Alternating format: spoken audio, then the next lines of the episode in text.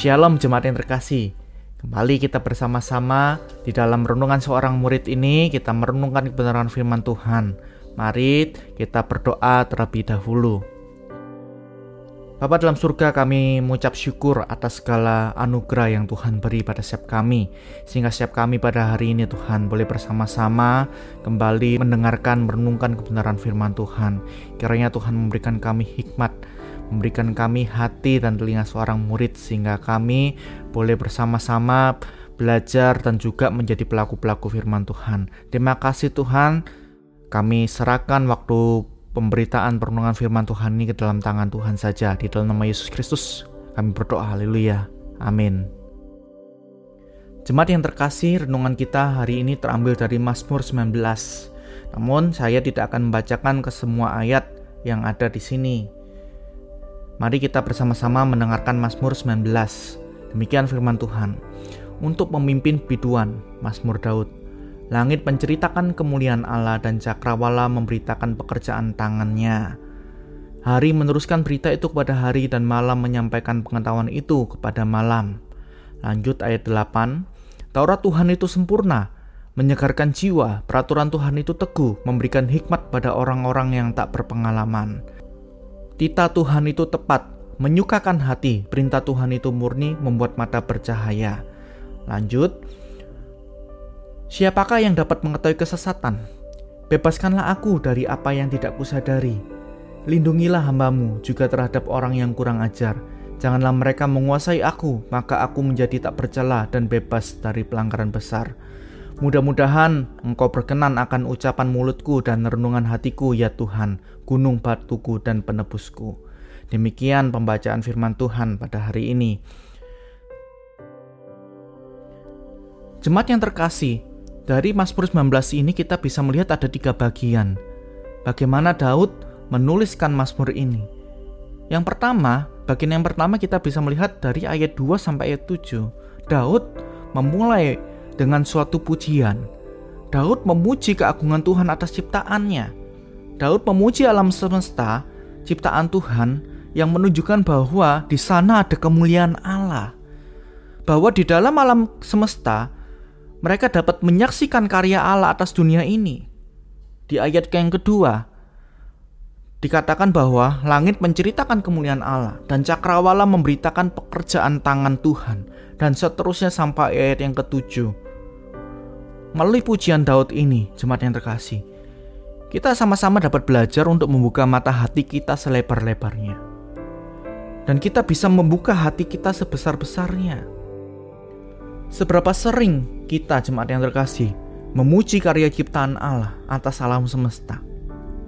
Atau pernahkah kita menyadari bahwa ada kemuliaan Tuhan yang nyata di dalam alam semesta ini? Ketika kita melihat matahari, kita bisa mengatakan, "Wow, luar biasa ya Tuhan! Engkau luar biasa, Tuhan! Engkau selalu memberikan kita matahari yang selalu bersinar di pagi hari, sehingga kita bisa berjemur di pagi hari." tubuh kita bisa sehat. Wow, betapa hebat ya Tuhanku. Langit biru yang cerah Engkau berikan kepada kita dan kepada seluruh alam semesta ini. Karena Engkau begitu mengasihi kita semua, Tuhan. Pernahkah kita semua seperti itu, jemaat yang terkasih? Yuk kita sama-sama bersyukur atas apa yang Tuhan berikan kepada kita melalui alam semesta ini. Kita belajar untuk memuji-muji keagungan Tuhan kita. Kita bisa bernyanyi memuji Tuhan. Kita bisa berdoa mengucap syukur kepada Dia. Atau lebih sederhananya lagi, kalau kita susah bernyanyi, kita susah berdoa. Yang lebih sederhananya apa? Jemaat yang kasih, kita bisa berseru, kita bisa berkata-kata di dalam hati kita bahwa ya Tuhan, Engkau Maha Kuasa, Engkau Maha Besar, kami bersyukur Tuhan atas segala keagungan Tuhan yang Tuhan sudah ciptakan pada setiap kami semua. Sampai sederhana itu kita bisa lakukan. Mari, jemaat yang terkasih, jangan lupa kita bersyukur. Bagian yang kedua, jemaat yang terkasih, kita bisa melihat bersama-sama bahwa Daud setelah memuji keagungan Tuhan atas alam semesta, Daud beralih memuji Tuhan atas firman Tuhan yang sudah diberikan kepada dirinya. Daud memuji Taurat, memuji segala peraturan, perintah, dan hukum-hukum Tuhan. Daud melihat segala firman Tuhan itu begitu sempurna, menyegarkan jiwa, menyukakan hati, tepat, dan memberikan manusia hikmat. Dikatakan juga membuat mata kita dapat melihat mana yang benar dan mana yang salah. Jemaat yang terkasih, kita sebagai manusia berdosa. Terkadang kita melihat firman Tuhan tidak menyegarkan jiwa malahan. Daud mengatakan bahwa ya firman Tuhan itu menyegarkan jiwa. Namun terkadang kita mengatakan enggak, enggak gitu kok. Bikin ngantuk malahan cuan tahu. Apalagi menyukakan hati. Membacanya saja saya malas-malasan. Jemaat yang terkasih, jangan sampai kita terjebak seperti demikian. Kita tidak bisa merasakan bahwa firman Tuhan itu menyukakan hati kita, menyegarkan jiwa kita. Mari, pada hari ini kita belajar untuk merasakan apa yang dirasakan oleh Daud. Sampai Daud mengatakan bahwa firman Tuhan itu lebih berharga dari materi yang ada di dunia ini. Ayat 11 ditulis demikian. Firman Tuhan itu lebih indah daripada emas, bahkan daripada banyak emas tua, dan lebih manis daripada madu, bahkan daripada madu tetesan dari sarang lebah. Ataukah jemaat yang terkasih kita lebih mengesampingkan firman Tuhan demi mengejar materi? Kita tidak berlaku seperti Daud. Kita tidak merasakan apa yang dirasakan oleh Daud. Kita mengesampingkan firman Tuhan demi mengejar apa yang ingin kita capai. Apa yang kita pilih ketika kita datang beribadah? Kita datang ibadah atau ketika ada tawaran-tawaran yang lain yang memberikan keuntungan pada kita, kita lebih memilih itu daripada kita datang ibadah. Daud bersyukur akan semua firman Tuhan yang sudah ia dengar.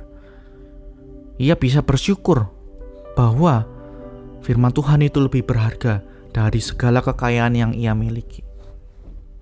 Kita pun juga perlu belajar demikian. Daud mengatakan bahwa firman Tuhan telah banyak memperingati dia agar terus berpegang teguh kepada firman Tuhan. Sehingga pada hari ini kita juga boleh belajar bersama-sama. Kita bersyukur atas segala firman Tuhan yang telah kita terima. Jangan terus-menerus kita mengabaikan firman Tuhan jemaat yang terkasih. Di dalam setiap kehidupan kita, kita sudah mendengar firman Tuhan.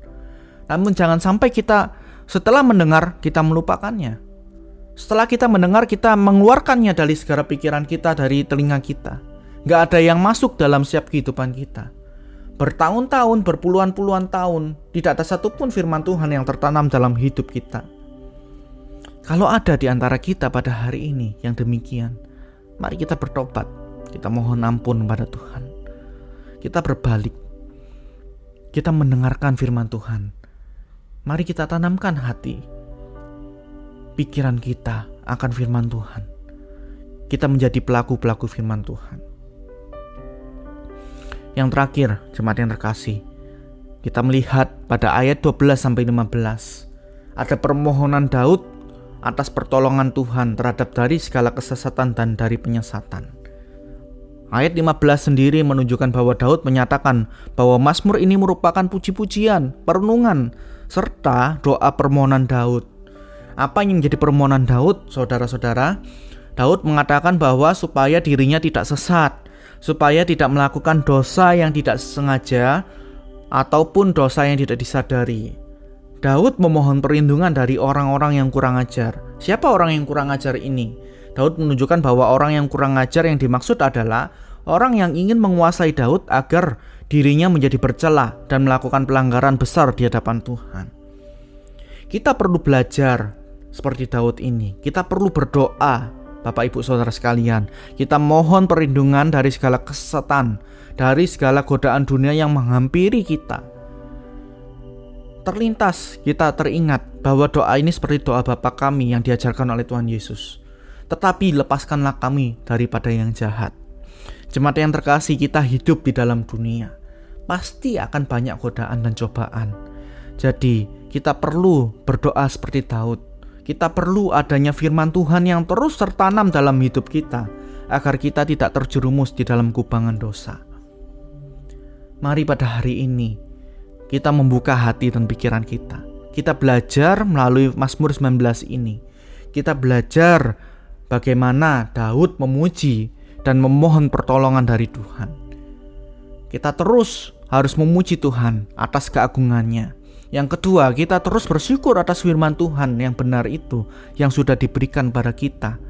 Yang ketiga, kita terus berdoa memohon perlindungan Tuhan agar kita terhindar dari segala kesesatan dan para penyesat. Mari melalui renungan firman Tuhan ini, kita bersama-sama boleh bertumbuh dan hidup kita terus berpadanan dengan kebenaran firman Tuhan itu. Mari kita berdoa. Bapak kami bersyukur atas firman Tuhan ini kami boleh belajar dari Daud yang terus bersyukur atas alam semesta, atas keagungan Tuhan, atas firman Tuhan, dan belajar bagaimana Daud memohon pertolongan Tuhan agar terjauh dari segala kesesatan yang ada. Terima kasih Tuhan, tolong setiap kami agar kami menjadi pelaku-pelaku firman Tuhan. Di dalam nama Yesus Kristus kami berdoa dan bersyukur. Haleluya. Amin. Tuhan Yesus memberkati kita semua. Selamat beraktivitas.